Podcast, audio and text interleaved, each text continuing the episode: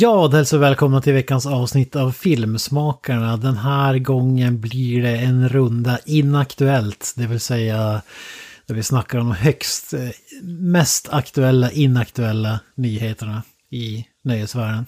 Till min hjälp har jag Joakim Granström. Den absolut mest aktuella människan i världen just nu. Han har nyligen eh, vad heter det, sett den här nya filmen Nosferatu, har jag hört. Ja, exakt. Ja, Den är extremt som, eh, aktuell. aktuell. Spoila Ja, inget, spoila inget, spoila inget. Nej, alltså vi tabbade oss ju rejält tidigare där och vi spoilar ju filmerna till höger och vänster i den här podden. Och vi känner ju att äh, alltså, det här är inte acceptabelt längre. Så att vi har tagit oss i kragarna, ordnat till våra slipsar och nu jäklar, nu är det spoilerfritt resten. Ja, näst efter nya Batman så är det väl Nosferatu som är aktuell då, antar jag. Alltså det, jag tycker man, man borde ha en, en bra chans att se filmen på bio i alla fall. Och det har ju inte ens, det har ju inte ens gått hundra år sedan den släpptes så jag tycker att... Nej, fan, det har bara gått, eh, vad är det, 99 år och 99 år och fem- 51 veckor. 51, 51 veckor. Ja. Det är ju, det är ju helt åt helvete att spoila en sån. Ja, det är, det är för jävligt. Vi ber om ursäkt kära lyssnare. Vi vet att det var minst en person som Som blev upprörd. ja, tog, tog det hårt så att säga. Vi förstörde hans eh, dag och Ja, det är år. för jävligt. Ja, men hur kommer det sig att du är högst eh, aktuell Granström, förutom att du spoilar Nosferatu till höger och vänster? Ja, men jag, jag är bara en ständigt aktuell människa helt enkelt. Jag är där alla önskar att de vore, helt enkelt. Och ändå är du alltid där jag önskar att du inte skulle vara. Visst är det Eh, i konstigt? mitt- I mitt, I mitt sovrum när jag ska sova. Står och stirrar på mig. Ja, men Alltså, du vet, alltså, jag, jag, jag tycker om att se på ditt eh, fridfulla ansikte när du ligger där. Jag tycker om att krypa ner bredvid dig och bara stirra. Ja, men det behöver ju inte innebära att du måste ju inte vara naken. Det är ju lite överdrivet tycker jag. Alltså det här konceptet med kläder är inte riktigt min grej helt enkelt. Jaha. Jag menar om, om du verkligen hade så mycket emot det kanske du skulle liksom försöka mota ut mig ur sovrummet men det gör du ju aldrig. Nej, men jag, nej, Så det är jag, det, det är ju uppenbart en inbjudan. Jag, jag har ju alltid så trevliga drömmar. Och sen när jag var... utan att gå in på det. ja, ja. Men jag förstår inte varför min kropp gör så ont när jag vaknar på morgonen. Nej, precis. jag hör äh, verk överallt. Eh, Ja, nu vet jag inte varför vi hamnade. Ja, Jag, jag eh, tar tag i livbojen och säger välkommen till Mr. Och du har ju introducerat dig själv här känns det som. Eh, ja, jag är mycket bra på att introducera mig själv. Eh, ja, nej men jag ska också se på Nosferatu. Hade jag tänkt. Det finns ju faktiskt två Nosferatu. Det finns en Nosferatu från 79 tror jag, eller något sånt där också. Den får vi absolut inte spoila, för den har ju 50 år kvar innan, den, innan vi får spoila den. Och jävlar. Den är gjord av, en- vad, fan he, vad fan heter den här eh, tyska regissören? Jag tror det är det. Ja, skitsamma. Men det, den är också mycket bra i alla fall. Den har Klaus Kinski i en av huvudrollerna. Oh. Fan. Werner Herzog. Werner Herzog är det som har gjort den. Jag tänkte Klaus Kinski då är det Werner Herzog känns det som. Ja, ja det, det, är som är, det är en remake av eh, 20-talsfilmen. I alla fall. Ja, just det. Underbart, underbart.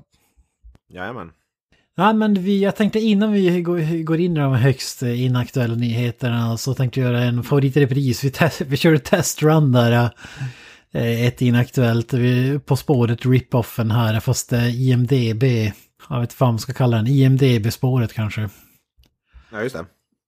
Eh, Där ger ledtrådar från svår till lätt och läser upp namn från filmens eh, IMDB-lista, castlista och ni ska gissa vilken film det handlar om. Det är väl det så man kan sammanfatta den. Yes. Ja. Eh, Jag tänkte vi kör igång direkt här på 10 poäng. Den här skådisen känner eh, de flesta till. Oj, Jag pratar alltså om Puffy, a.k.a. Puff Daddy, a.k.a. P Diddy, a.k.a. det. Diddy, a.k.a. eh, Sean Combs, a.k.a. vad var det nu han hade, Love någonting. Ska vi, ska, känna, ska vi känna igen hans skådis? Är det, är det det du säger? Ja, precis. Vi- Vilka monumentala blockbuster-rullar har han varit med om? Ni får ju dra om ni tror till låten han som var med i Godzilla 97. men- det Come kanske inte räknas. Nej, han har ju faktiskt ett gediget eh, IMDB-CV måste man ju säga. Ja, fy fasiken. Är det en specifik film du, du, du söker eller? Svar ja. Oh boy. Ja, du behöver inte räkna upp eh, 25 P Diddy Nej, precis. rullar. oj, oj. Ja, jag kan ju inte ens nämna en låt han har gjort på rak arm. Va? Eh, Det är ju inte en favoritartist kanske. Alltså jag måste säga att jag är faktiskt på samma nivå som Avoya där. Jag har verkligen noll koll på honom. Jag vet att han har jävligt mycket pengar, men det är väl det ändå. Ja, vad fan. Någon låt måste ni veta. God, nämnda Godzilla-låten för fan. Ja, fast jag kommer inte ihåg vad den heter. Ja, jag har ingen aning. De flesta minns nog när han eh, gjorde den här hyllningslåten till eh, Biggie, I'll be missing you med, vad fan heter hon, eh, Ja, Notorious. B.I.G.'s fru, eh, exfru eller vad man ska kalla det. Faith Evans. Ja, den, den känner jag ju faktiskt igen, den låten. Men jag hade inte eh, kunnat dra fram den ur minnet bara på rak hand sådär. Nej, han är väl mer så här eh, mogul eller eh, vad ska man kalla det? Ja men han, är inte han typ Skivbolags, eh, mer producent, alltså det- a.k.a. typ Dr. Dre-stilen där. Jag menar han har ju inte heller släppt någon egen skiva på hundra år, men han är där och producerar beats för alla som är liksom rappare, tycker jag överallt. Han är ju med, han är ständigt aktuellt, men ständigt aktuell, men inte på grund av hans eget artistnamn så att säga. Uh, Bad Boy Records, det är ju... Jag tycker det är, som du Grön skulle säga, weak sauce, måste jag säga. Ja fan, det är inte något Death Row. Nej, alltså Death Row är ju ett jävligt bra eh, skivbolagsnamn faktiskt. Ja. Bad Boy Records, det låter ju som en... eh, Bad Boy. Records låter som att man försöker vara väldigt hård, men det funkar inte riktigt. det är som när man har spelat online och heter typ eh, Sexy Boy med så här I och, eh, och så boy, B och I och så har man en massa siffror. Ja, du behöver inte avslöja ditt eh, nickname här på... Ja, ja, ja, ja men det är ju, ja, det är bara jag är ju stolt. inte för att det har någonting, men bara på, på tal om boy med boy, BOI. Jag, jag såg eh, nyheten, jag vet inte om det är en nyhet, jag såg det. Att det ska tydligen komma en film baserad på Avril Lavins Skaterboy. Oh, men Avril Avril Lavigne, det är ju död, så det kan ju inte vara hon. Det är ju en imposter, har vi kommit fram till.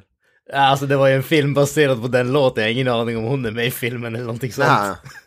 Sig. Men vi är tydligen på den nivån att vi baserar hela filmer på en låt. Ja, just det. Ja, men He, då, det? He, he, he was a skater boy, det är det som är premissen. hon, har, hon har ju spoilat hela filmen då kan man säga. Exakt, could I make it any more obvious? Ja, just det. And she said see you later boy, så måste hon ju säga någon gång i filmen då, antar jag. Men jag känner att när man säger, när man idag ju säger he was a boy, she was a girl, can I make it more obvious? Det stämmer ju inte. Nej, exakt. Det, da, Det, det, får man ju, det får man inte anta. Nej, alltså dagens samhälle har verkligen gått förbi det där. Jag, jag, jag, för, jag förutsätter att det här kommer att bli någon sorts Avril Lavigne motsvarighet till Metallica through, through the Never alltså. Det, det kommer att säga he was maybe a boy, she was maybe a girl. But could be either or. It is not very obvious because you can't anta kön. It was a Ja. person and a person. Can I make it any more obvious? Ja. Ja men i vilket fall, nu går vi tillbaka till ursprungsgrejen här. Ni rycker alltså inte på P. Diddy a.k.a. eh, Sean Nej. Combs. Eh, han har ju så digert eh, film-CV så det är omöjligt att välja bara en. Ja, jag förstår. Jag förstår. Jag kortar ner listan här en aning. Vi går på nästa namn. Är Peter Boyle.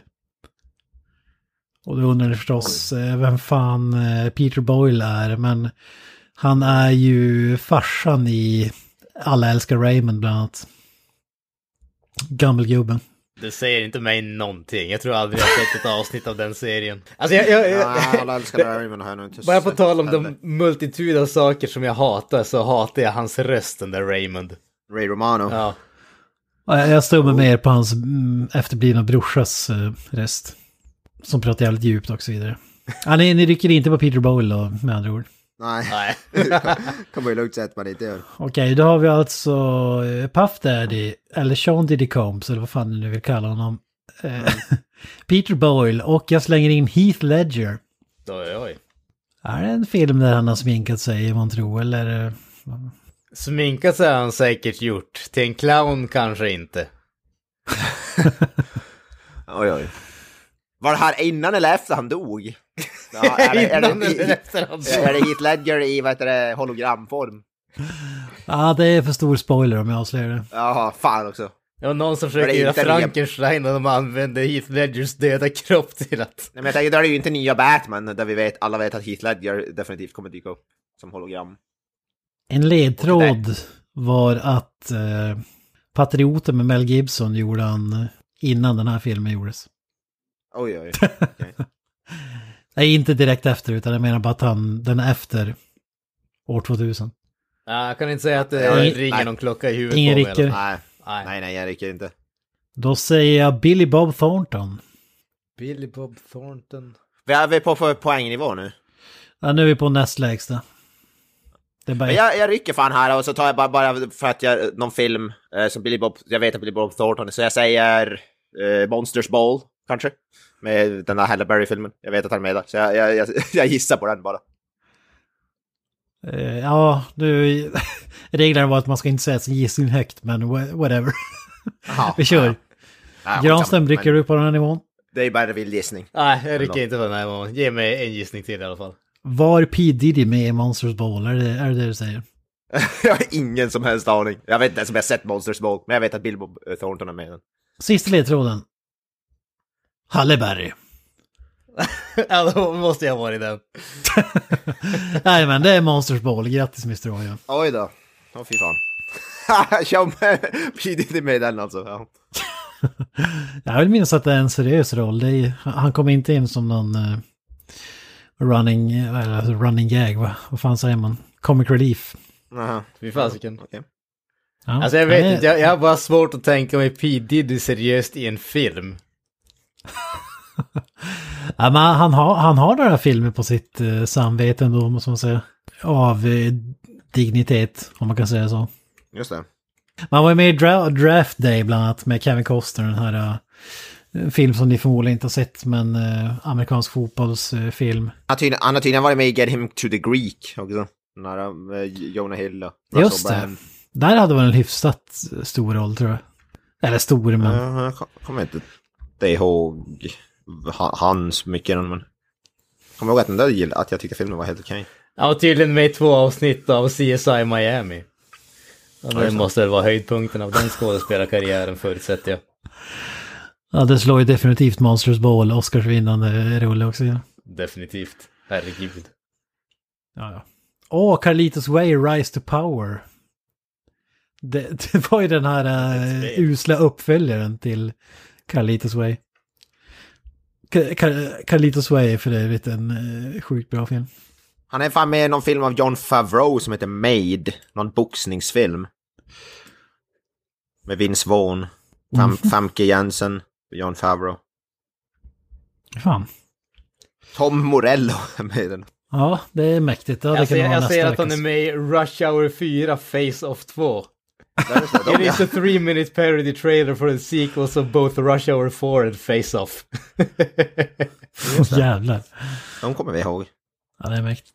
Eh, Ja, nej, men vi går väl vidare med våra högst inaktuella nyheter. Vi brukar börja med dödsfallen och eh, den här, det här avsnittet är inget undantag. Ivan Reitman, nu är det här flera veckor sedan, sedan, sedan han tyvärr tragiskt gick bort. Eh, han är väl mest känd som Ghostbusters-regissören. Vi har hållit på den här nyheten så att den skulle bli inaktuell innan vi börjar prata om den.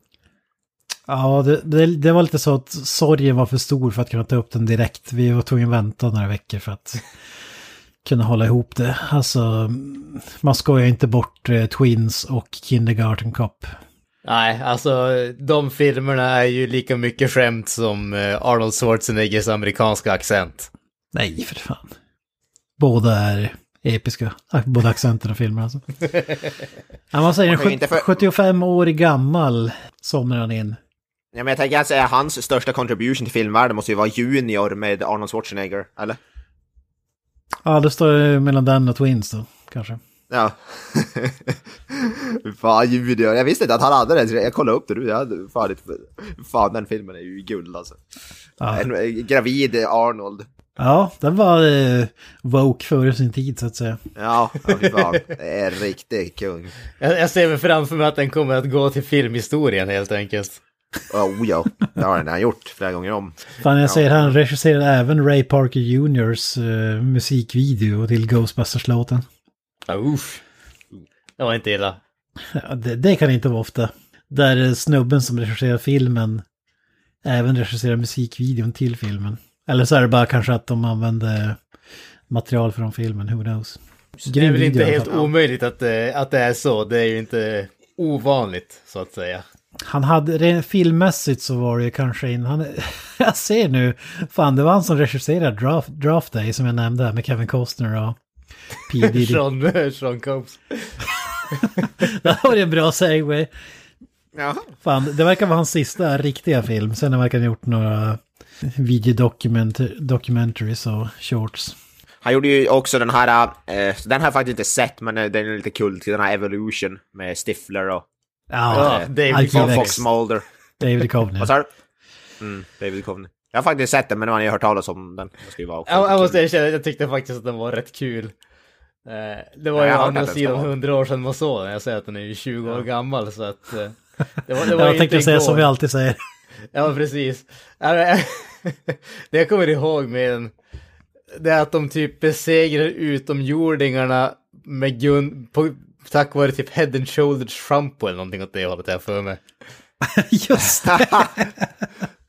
Ja, briljant eh, marknadsföring måste jag säga. Ja. ja alltså den, den filmen kan man ju nästan, till, nästan se som en reklamfilm som är typ 90 minuter lång. det, kän, det känns ändå sådär roligt. Det känns som lite så ändå, inte obskyr film, men ändå inte jätte... Jag menar, det är lite mindre obvious än när man typ kör ett avsnitt om Ghostbusters till exempel.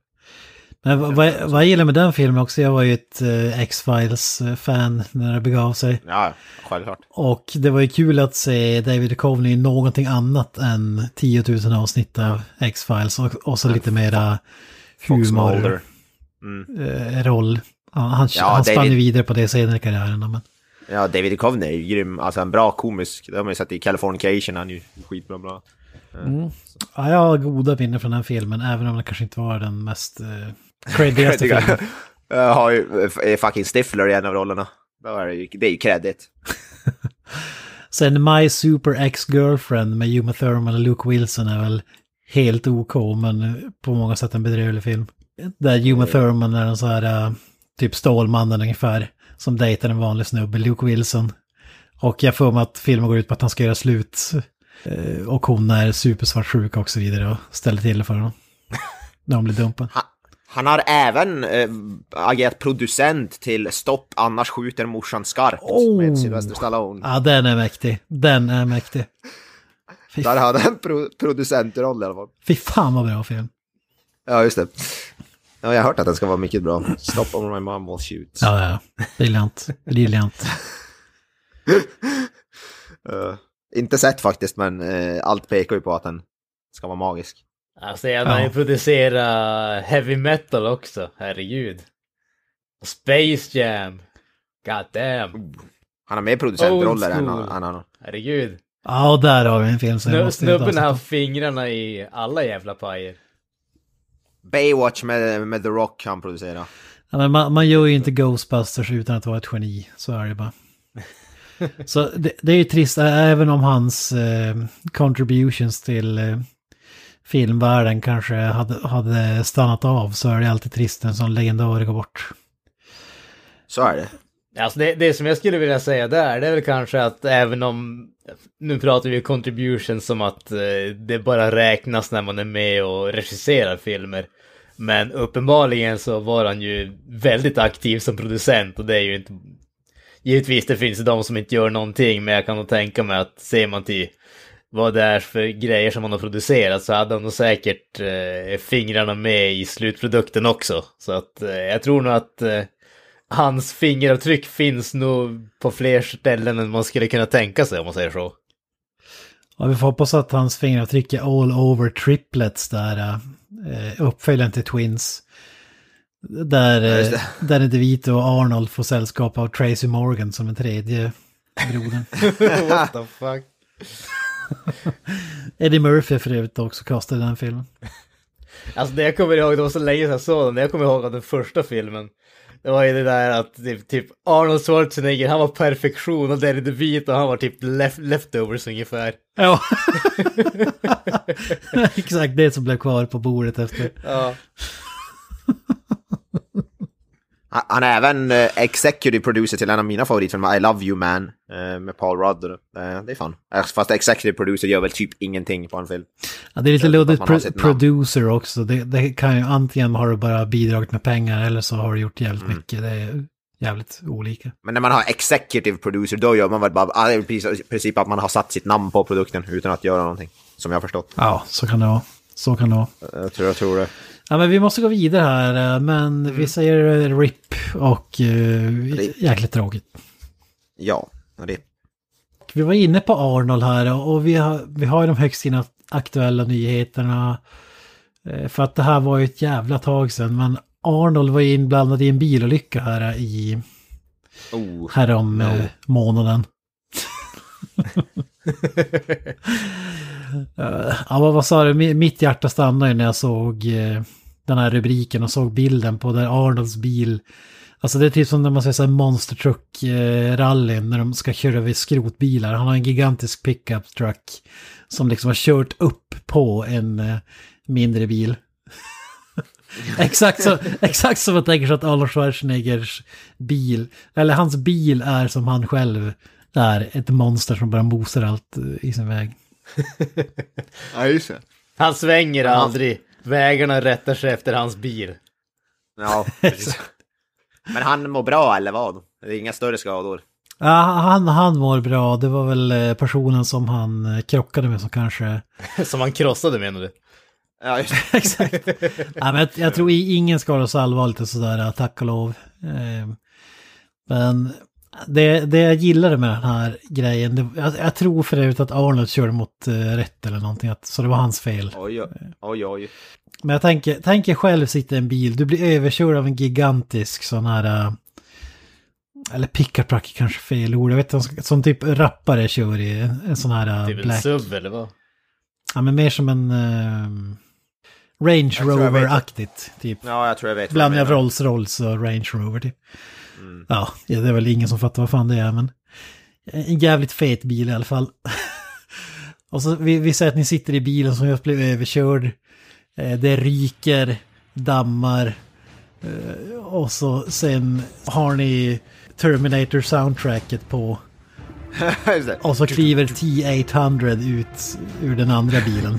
Med solbriller och blodig... Come with me if you want to live. Exakt! Fan vad kul. Ja men då är det ju värt att vara med i olyckan bara för att få uppleva det. Ja, ja, men jag jag menar det. Alltså... Ja, fy fan vad jag hade velat bli överkörd av Arnold. Alltså det är sjukt. Jag, säkert förutsätter att han nyss har kommit till bilen så han, han går ut han naken också. Ja, I need your clothes, boots. Ja, fy fan. Ja. det hade varit drömmen. Ja, fasiken. alltså det känns ju som att det är enda möjligheten vi någonsin kommer att få till att kasta in Arnie på Viggo Mortensen-skalan alltså. Ja, ja, ja. Just det, ja. Oh, han hamnar högt upp på den alltså tror jag. Ja, jävlar. Ja, ja, där räcker nog inte den skalan till så att säga. Men det jag, jag hoppas att det här kan få positiva effekter. För det är nämligen så att han... Eh, settlement kring hans eh, skilsmässa blev nyligen klar och han blev ju av med en jävla massa pengar där. Eh, Ja, ni kan ju storyn med nannyn och så vidare. Eller var det housekeeper? Eller, ja, vad det nu var. Same shit, different name. Jag får stå för dig. Eh, Men jag tänkte bli av med pengar där och nu är det så här att personen som blev överkörd var ju förvisso ett Arnold-fan. Men eftersom att det var Arnolds fel så kan det ju kosta honom en hel del. Och vi vill ju alla se Arnold i fler filmer framöver så jag hoppas att det här innebär att vi får någon slags Nicolas Cage-aktig frekvens på film. eh, Antalet filmer han är med i per år. vi, vi vill ju alla se Terminator eh, uppföljare och så vidare. You name it, Predator uppföljare med Arnold och, och så vidare. Den enda faran det är ju alltså, visst det kan ju bli genialitet i samma stil som Mick Cage, men faran är ju att det blir bara skit som Bruce Willis. Det är ju det. Visst, jag ska säga Bruno så, som exempel. Return of Bruno. Eh, Ja men, ah, ja, men det, kan jag, det, det kan jag också gilla. Det, det hade jag också velat se. Arnold i massa lågbudget skräp, det hade varit en underbart. Det, betyder att vi får ett år av skitfilmer och sen så dör han i en överdos. Då är det bättre att han går ut som Nick Cage från Top of the World liksom. Exakt! Så att vi får se Mick, att han dör i något gym när han bänkar 300 kilo eller någonting. Ja men exakt. Nick Cage har ju inte gjort en film som inte är 10 av 10, så jag vet. Jag har ju ändå, jag tror ändå Arnold kan producera något bra. Ja, jag, vill inte ens tänka tanken på när han lämnar jordelivet, men om man nu ska göra det, eh, gud förbjude, så är det ju ett Jackie Chan-aktigt eh, moment under en filminspelning tycker jag. Ja, just det. Försöker dyka igenom en, lucka som är alldeles för liten. Ja, men lite där man, bruk, man brukar se i filmer liksom, alltså My father died on the battlefield och jag måste göra samma sak och så vidare. Det, Ja, just det. Arnold died during Terminator 27. doing what he loved most. Nej, vi får hoppas att eh, Arnold är eh, 100% okej. Jag tror att han är det, men att han inte får några men efter skadan och att vi som Ja, sagt eh, får den ripple-effekten, att få se fler filmer. Alltså jag, jag tänker bara tanken på att någon skulle lyckas skada Schwarzenegger med eller utan bil känns ju helt befängd. Alltså, kan det här vara bevis på att han är... Alltså vi säger att Daniel Day-Lewis kliver in i roller. Kan det vara så att han är T-800 från Terminator? Alltså, Ja, men det in tror jag. real life. Jag skulle direkt kunna köpa att han är skickad från framtiden. Ja, ja. Det- Det här är ju som i Unbreakable, när, spoiler alert, där Bruce Willis är med i en eh, tågolycka. Eller vad fan det är. Eller var det bilolycka eller någonting. Jag tror att det är en tågolycka. Ja, jag tror det. Alla dör utom han, har inte ens kroma på sig typ. Det var väl något åt det hållet. Ja, precis. Det är ingen rök utan eld säger jag. Och på tal om Terminator Granström, det, den har alltså den insatsen är ju ovärderlig, men det visar sig även att eh, gamla videoband med filmen är ovärderlig. Ah, jag vet inte vad jag skulle kalla det ovärderligt, snarare om något värderat till 32 500 dollar. Ja, en väldigt precis summa. Ja, det är ganska motsatsen till ovärderlig. Ja, jo, precis. ja, men, ja, men det är så här, egentligen är det ovärderligt. Men om du måste sätta price on it just nu så är det 32 500. Exakt. Lite lågt Det- för det- någonting som skulle klassas som ovärderligt, men ja. Ja. ja, men det är bra att vi har en måttstock för vad som är ovärderligt nu. Det är 32 500 dollar. Ja, precis. Ja, men, äh, det, det, det, det, jag tycker om, det jag tycker om med det där, det är bara vetskapen om att ja, men oavsett hur rik jag är så är jag fortfarande till 2000 dollar bort från ovärderligt i alla fall. Ja, precis. Kommer aldrig ha råd med den skiten ändå. 300 någonting tusen kronor behöver vi bara. Ja, precis. Ja. precis. Exakt, vad är det här värt? Ja, det är ovärderligt. Eller för att vara exakt, 32 500 dollar. Ja, precis. Exakt. en, Tesla, en Tesla är ovärderlig. Alltså. Eller mer, mer än ovärderlig. Många Tesla är mer än ovärderliga. Ja, men det här är en definition, definitionsfråga måste jag säga. Det är ju the- in Ja, the eye of the beholder som man brukar säga. Ja, ja. Precis. Ja, ja, det är sant. Ja, nej, men en först, jag kan inte prata, en eh, first print av eh, VHSen till första The Terminator har auktionerats ut för det, det ovärderliga priset av 32 500 dollar. Eh, det var en... Eller 23 913 pund. Ja, precis, precis. Ja, just det. Det är ju en så här extremt välbevarad ex av den här VHS, VHS ändå som har eh, det, det finns en sån här eh, rating, om man säger grading, där du de ger om man säger, du, du bedömer kvaliteten som gamla produkter är. Alltså det, det finns ju för tidningar och serietidningar etc. och allting sånt där. Och det här har de gjort en sån grading på den här filmen då, där om man säger 10 det är mint, det, det är som nytt så att säga. Eh, och den här har nio, mellan 9 och 10 på eh, allting utom eh, corners and edges, alltså eh, kantstött om man säger så, kantstöttheten där den fick en sjua. Men allting annat är i stort sett som sprillans nytt. Så att eh, den har, ja, någon samlare har varit väldigt, eh, väldigt sugen på att få en oerhört välbevarad VHS-kopia av den här filmen. Glädjande nog får man ju säga att Schwarzenegger är ju ständigt aktuell och det är ju inte utan att man börjar undra om eh, den här bilkrocken eh, drev upp priset på den här VHS-bandet eller inte. Ja. Ja. Men vad tror du? Det här vi snackade om, det var någon sån här Nintendo, men det var en variant på omslaget som gjorde, typ vad var det, första Super Mario-spelet eller på Nintendo eller vad det var. Ja, fasken för- var det. det. var- någon logga som var felcentrerad. Det var någon text som var felcentrerad eller någonting åt det hållet, jag för mig. Men, och det var det som gjorde det så eh, värdefullt för att det var jävligt ovanligt. Men här är det, bara, är det väl bara en helt vanlig, alltså standard Ja. VHSen. Ja, Ja, precis. första det, det här är första printen så att säga av VHS. Men det är ingen special edition eller någonting sånt. Utan det är bara att det är första printen och den är extremt välbevarad. Är det dags att, eh, är det, eftersom att är det så att alla har slängt ut sin VHS-samling att nu börjar det bli ovanligt igen så att det blir värde som eh, vinylskivor och allt möjligt. Jag förutsätter ju Ja. att mina Dino Riders VHS är värda åtminstone 32 500 dollar eller just det. Men, men jag tycker det är intressant där. eh, Det finns, det var ju framförallt så här hockeykort och fotbollskort som man tog fram där rating-grejen. Alltså om man ska förklara på något sätt så, om vi säger att du har Wayne Gretzkys eh, rookie-kort som är värt miljoner. eh, Då kan du skicka in ett företag som gör då en, eh, som vi säger, värdering, typ hur bra skick det är. Och så sen limmar de ihop det i en förpackning som är typ obrut, eller obrytbar den inte, men och när du har öppnat den så kan du inte stänga den. Alltså, Mm, det är liksom sealed for life. Och om du har då superhögt så driver det upp värdet. Men det har ju fått en jäkla massa kritik också. För det var ju något samma med tv-spel och sånt där. att Alltså det fyller ingen funktion. Folk gör det bara för att tjäna pengar. För att, ja okej, enligt det här företaget så är det här eh, 9,9 av 10 i skick. Och då är det värt eh, 1000 dollar mer än vad det egentligen är värt. Just det. Ja, nej, men det, det här, så det är, här ganska, är det är ju- ganska värdelöst egentligen. Alltså om man tänker just en film också. Du kan ju aldrig kolla på den eller någonting. Du kan ju bara ha den i hyllan. Ja, men det, det, här är ju, det här är ju riktat enbart till samlare. Det är ju det som är grejen.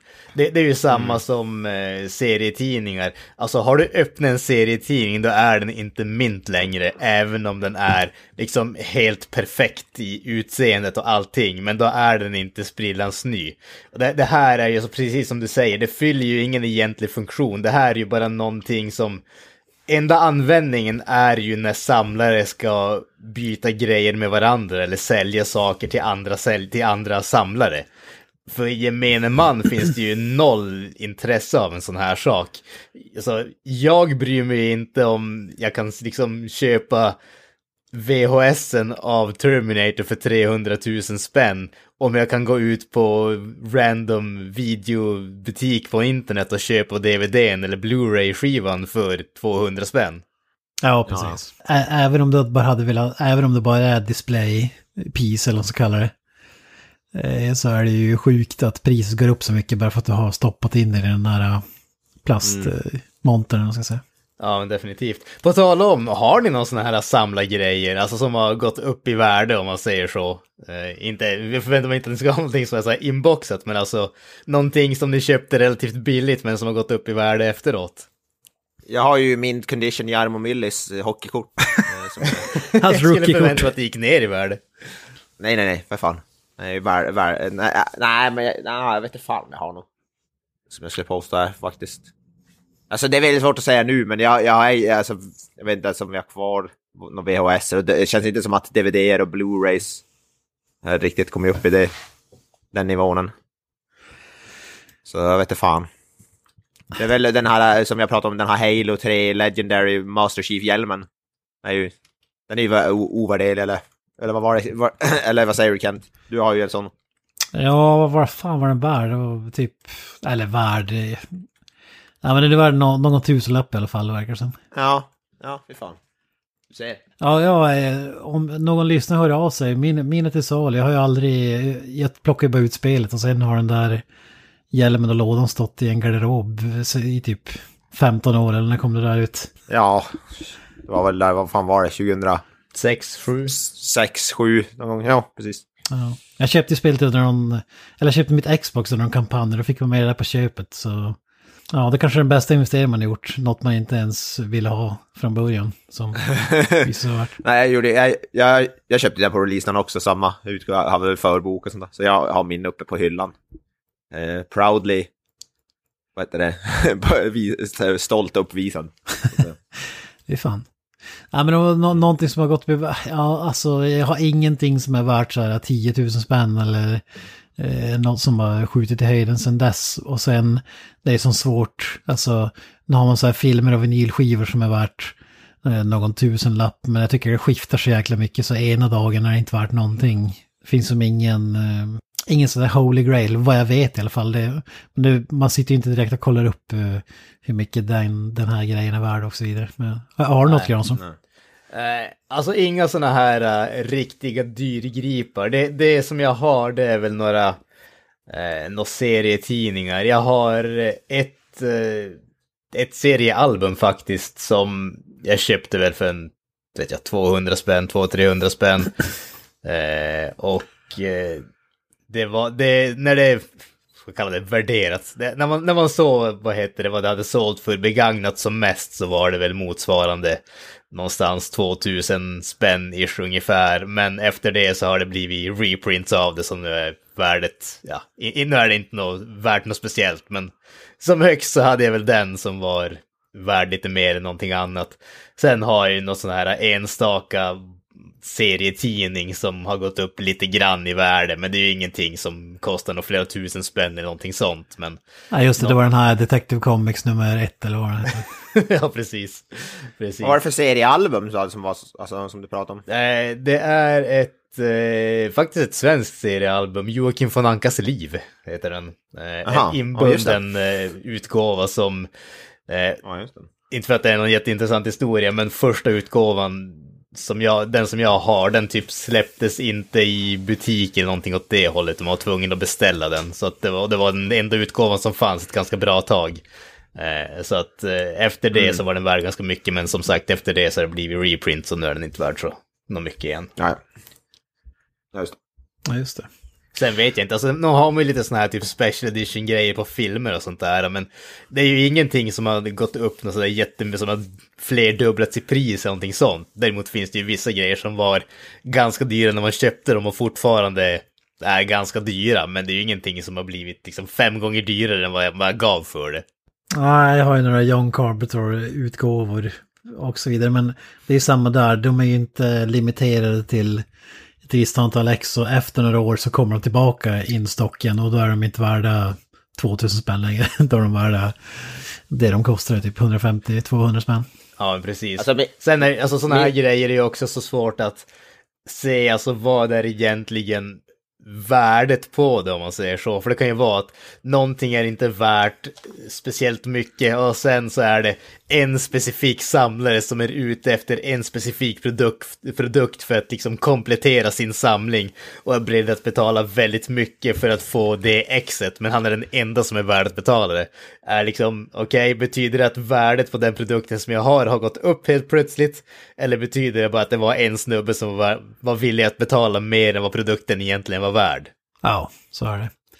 Men på tal om uh, Holy Grails och dyrgripar, Hellboy måste man ändå säga en priceless film. Vad säger du Granström? Ja men definitivt, alltså herregud, Ron Perlman och Guillermo del Toro är ju en fantastisk kombination och Ron har ju dykt, Ronan! Ronan. Den andra ja Ronan. precis, den andra Ronan. Eh, har ju dykt upp i, inte alla hans filmer, men de allra flesta.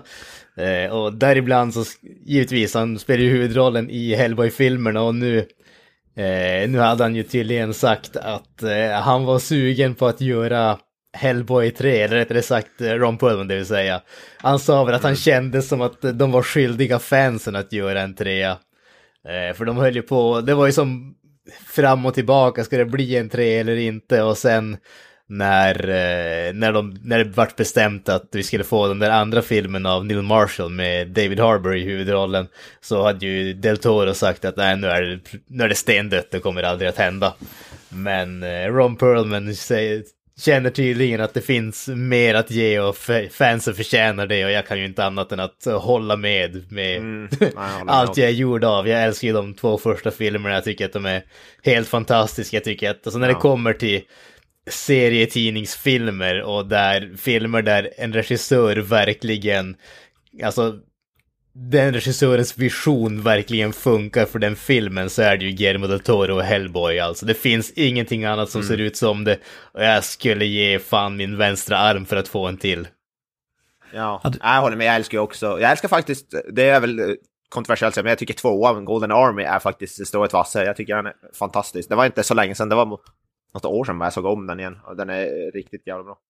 Ja, man väntar på att eh, Marvel ska hugga tag i förintelsen, likt uh, Hellboy så att säga. ja, jag tycker, ja, jag tycker också, så jag håller med där. Eh, jag hade gärna, jävligt gärna haft den. Kanske lite mer så mörkare, lite mer som, som vad heter det, serietidningarna. Jag, jag gillar ju även, jag har läst en stor del av, äger ju typ alla, vad heter det, så här, så här album med, med Hellboy. Jag har inte läst alla, men jag har läst några stycken av dem. Eh, så det hade, jag, vill, jag är stort Hellboy-fan också. Det är som din filmsamling, där gör alla filmer i varje men har inte sett någon. ja, jag, lä, men jag läste typ hälften Han har läst baksidan av fodralen. det, är fan, det är fan mycket, det finns ju fan sex, sju album, åtta, jag vet inte. Alltså Mr. Voyas, det kommer ju vara en sån här uh, guldgruva för de här mint, mint condition-utgåvorna. Ja. Alltså de har aldrig ens öppnats. När de gräver fram dem ur eh, sanddidorna om 2000 år. Nej, alltså det kommer det skulle inte förvåna mig om vi hittar någon sån här first sprint av eh, Terminator 2 hos Avoya fortfarande inplastad dessutom. ja. ja, just det. Det är min favoritfilm som jag aldrig har sett. eller för, första ja. Halloween eller någonting sånt. Jag är ju inget om inte en collector, så att säga. Som den där, vad heter det, Benicio del Toro-karaktären i Marvel. Just det. Ett psykfall. Ja, men det är alltså ny, ny Hellboy tror jag. Jag såg för övrigt på tag, men jag såg den, uh, Del Toros nya Nightmare Alley där och den var faktiskt bra. Den var inte ett 10 av 10, men den var, den var riktigt bra. Den, var. den kan jag också... Ja, jag är pinsamt nog inte sett den ännu, men jag kommer ju säga den. Den, den, den, var bra. Uh, men... Guillermo Del Toro gör ju sällan dåliga filmer, så att säga. Ja, sorry. Vi har ju gillat honom i x antal avsnitt, men... Mm. Ja, jag, jag hade ju helt klart velat säga Hellboy 3. Alltså Hellboy 2 som du säger är så jävla bra så att det är sjukt att vi inte mm. fick en, har fått en tredje än.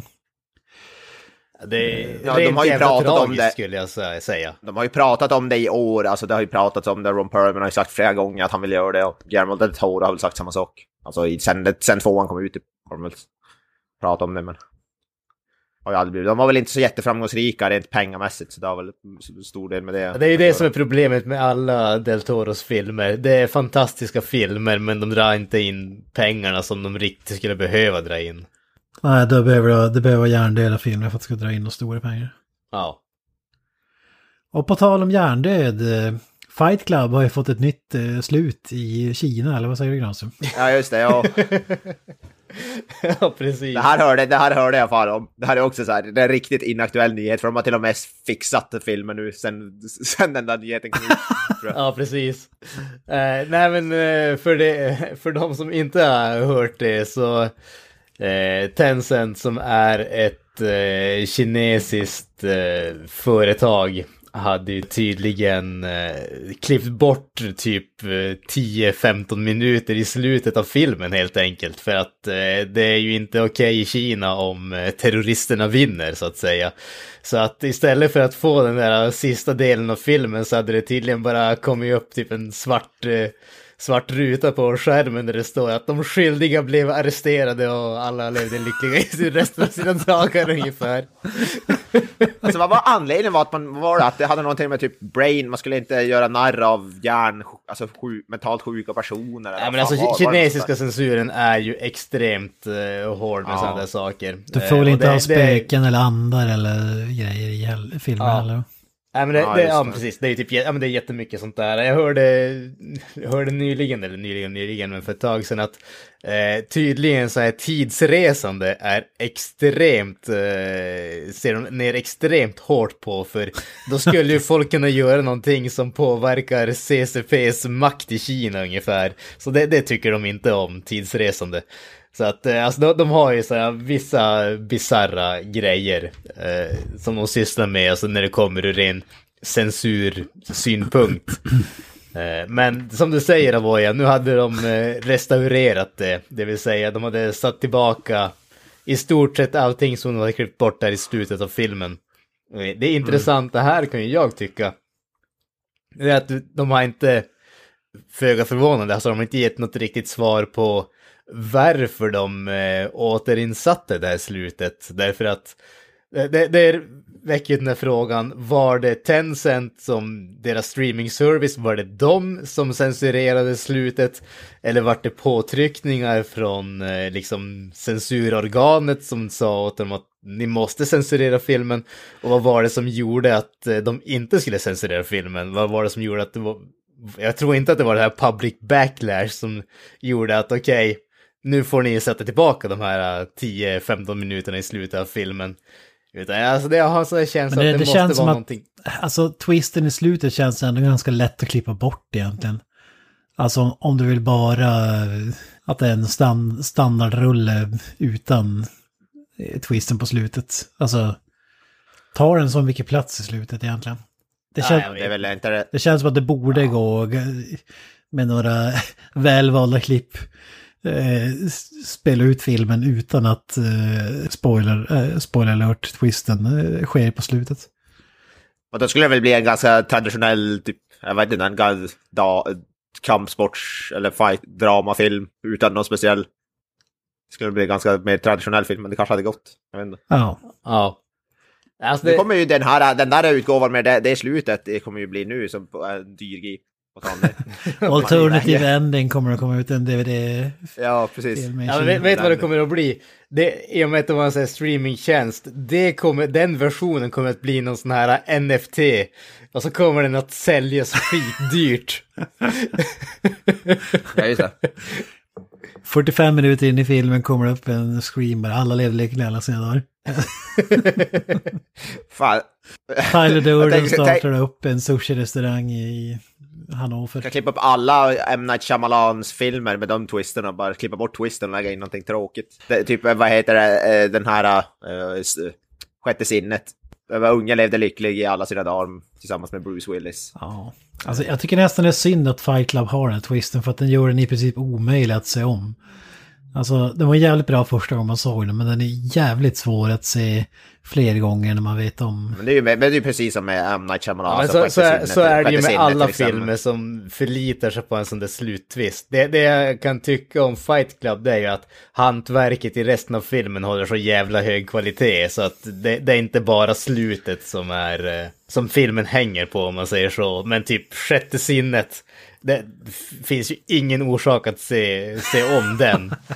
Så att säga. Om någon, har, om någon har sett, eh, det finns en fransk slasher som heter High Tension, eller Switchblade Romance, som har en sån där twist som gör resten av filmen rätt obegriplig. Och det är en sån här film som är jävligt, jävligt bra fram till det, men den, den twisten i den, i den filmen är helt obegriplig. är, är det, tappar inte filmen all logik för den där twisten Ja. funkar inte egentligen. För Nej, det, det, den är, he, den är svin-random och weird och helt obegriplig. Det låter lite som Malignant. Nej, herregud, Malignant är ett mästerverk.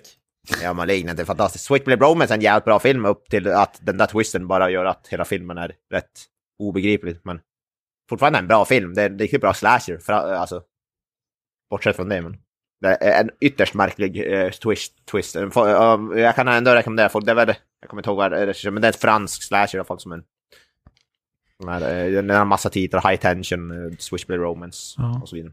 Ja, från franska slashers till amerikanska tv-spel. Bioshock Oh, mycket bra spel. kommer bli film på Netflix har jag förstått. Ja, det stämmer. Stämmer Det har ju varit på väg. Det har ju varit på väg i film om Bioshock hur länge som helst. Den, vad heter det? Pirates of the Caribbean-regissören Gore Gore Verbinski Verbinski. var ju, var ju kopplad till det i massor av år, ett tag. Men blev ingenting av det.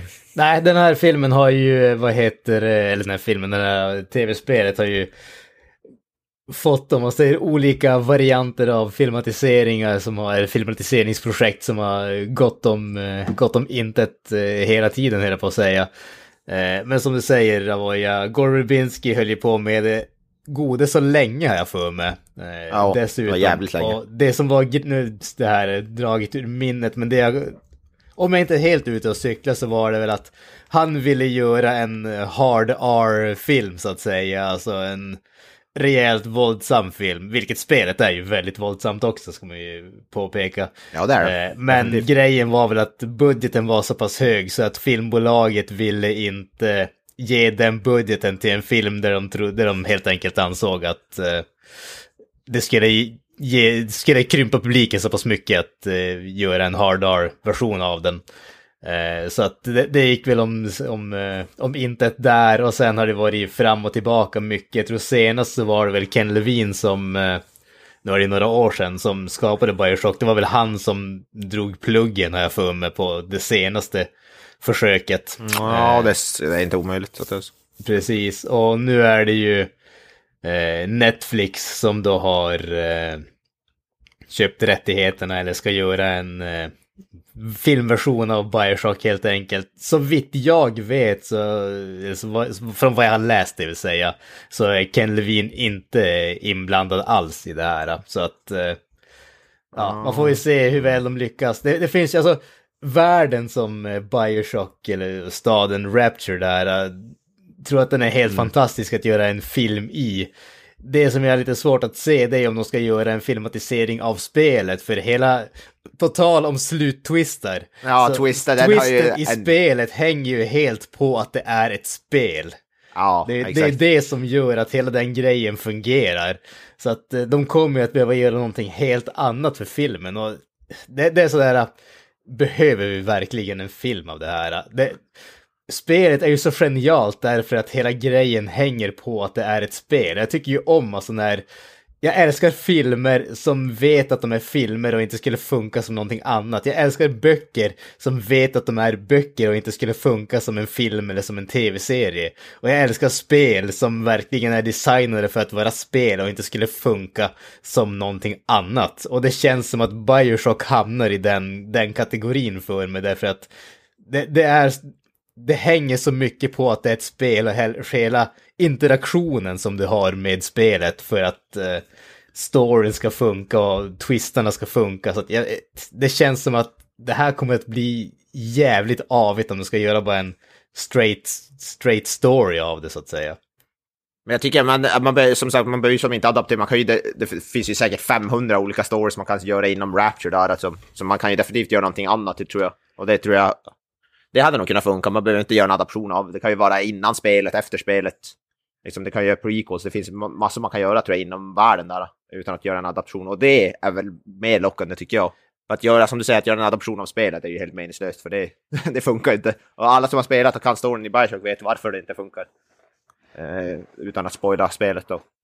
Vad är det för typ av spel? Det ser ut att vara någon Resident Evil fast uh, science fiction. Så det är, ja, det är lite så, det, men det är ett first person shooter men det har massa, det har magier och det har... Jag, jag skulle ja, säga så här, det, det lutar sig mer åt uh, skräck thrillerhållet mm. än shooterhållet, även om det är mycket skjutande. Men det, det mm. utspelas det i, vad är det, 60-talet? Jag ska inte svära på det. Ja. Eh, I en stad som är uppbyggd under vattnet, men du kommer dit efter att staden har liksom börjat gå sönder och Eh, Förfalla. Alla människor, falla, precis, falla ihop och alla människor har blivit eh, omvandlade alla människorna höll på med så här, typ genmanipulation för att bli bättre, men det har slagit bakut och de har blivit galna och extremt våldsamma och sådär. Eh, mm. Så att det ja, lutar mer åt skräckhållet skulle jag säga än åt uh, shooterhållet, även om det är ett FPS-spel. ja, det låter nästan som Resident Evil, måste jag säga. Ja, Lite grann. Det är mycket så med mo moral, du har ju så här moraliska val du ska göra, för det finns några så här små eh, flickor i spelet som heter Little Sister som du kan antingen välja att döda eller eh, rädda, typ. Eh, och så får du bli, bli ondare eller godare, liksom, beroende på. Eh, så det, det, är mycket sånt, sånt där också. En riktigt bra spelare, men som sagt, att göra en ren adaption av spelet blir nog svårt. Eh, för, utan att, som sagt, det är på grund av då spoilern. Och i, som, där, har, där har jag en ganska stor twist i slutet. Ja, vad säger ni? Har vi... Det var väl de högst inaktuella nyheterna vi hade att avhandla den här gången. Vi säger väl så. Ja, nästa vecka är vi tillbaka med ett eh, riktigt avsnitt så att säga. Ordinarie avsnitt. Fantastiskt sådant. Håll till Jag godo. hoppas. Jag säger väl eh, Up the Irons. Jag säger peace out. Hail to the king. That's it, man. Game over, man.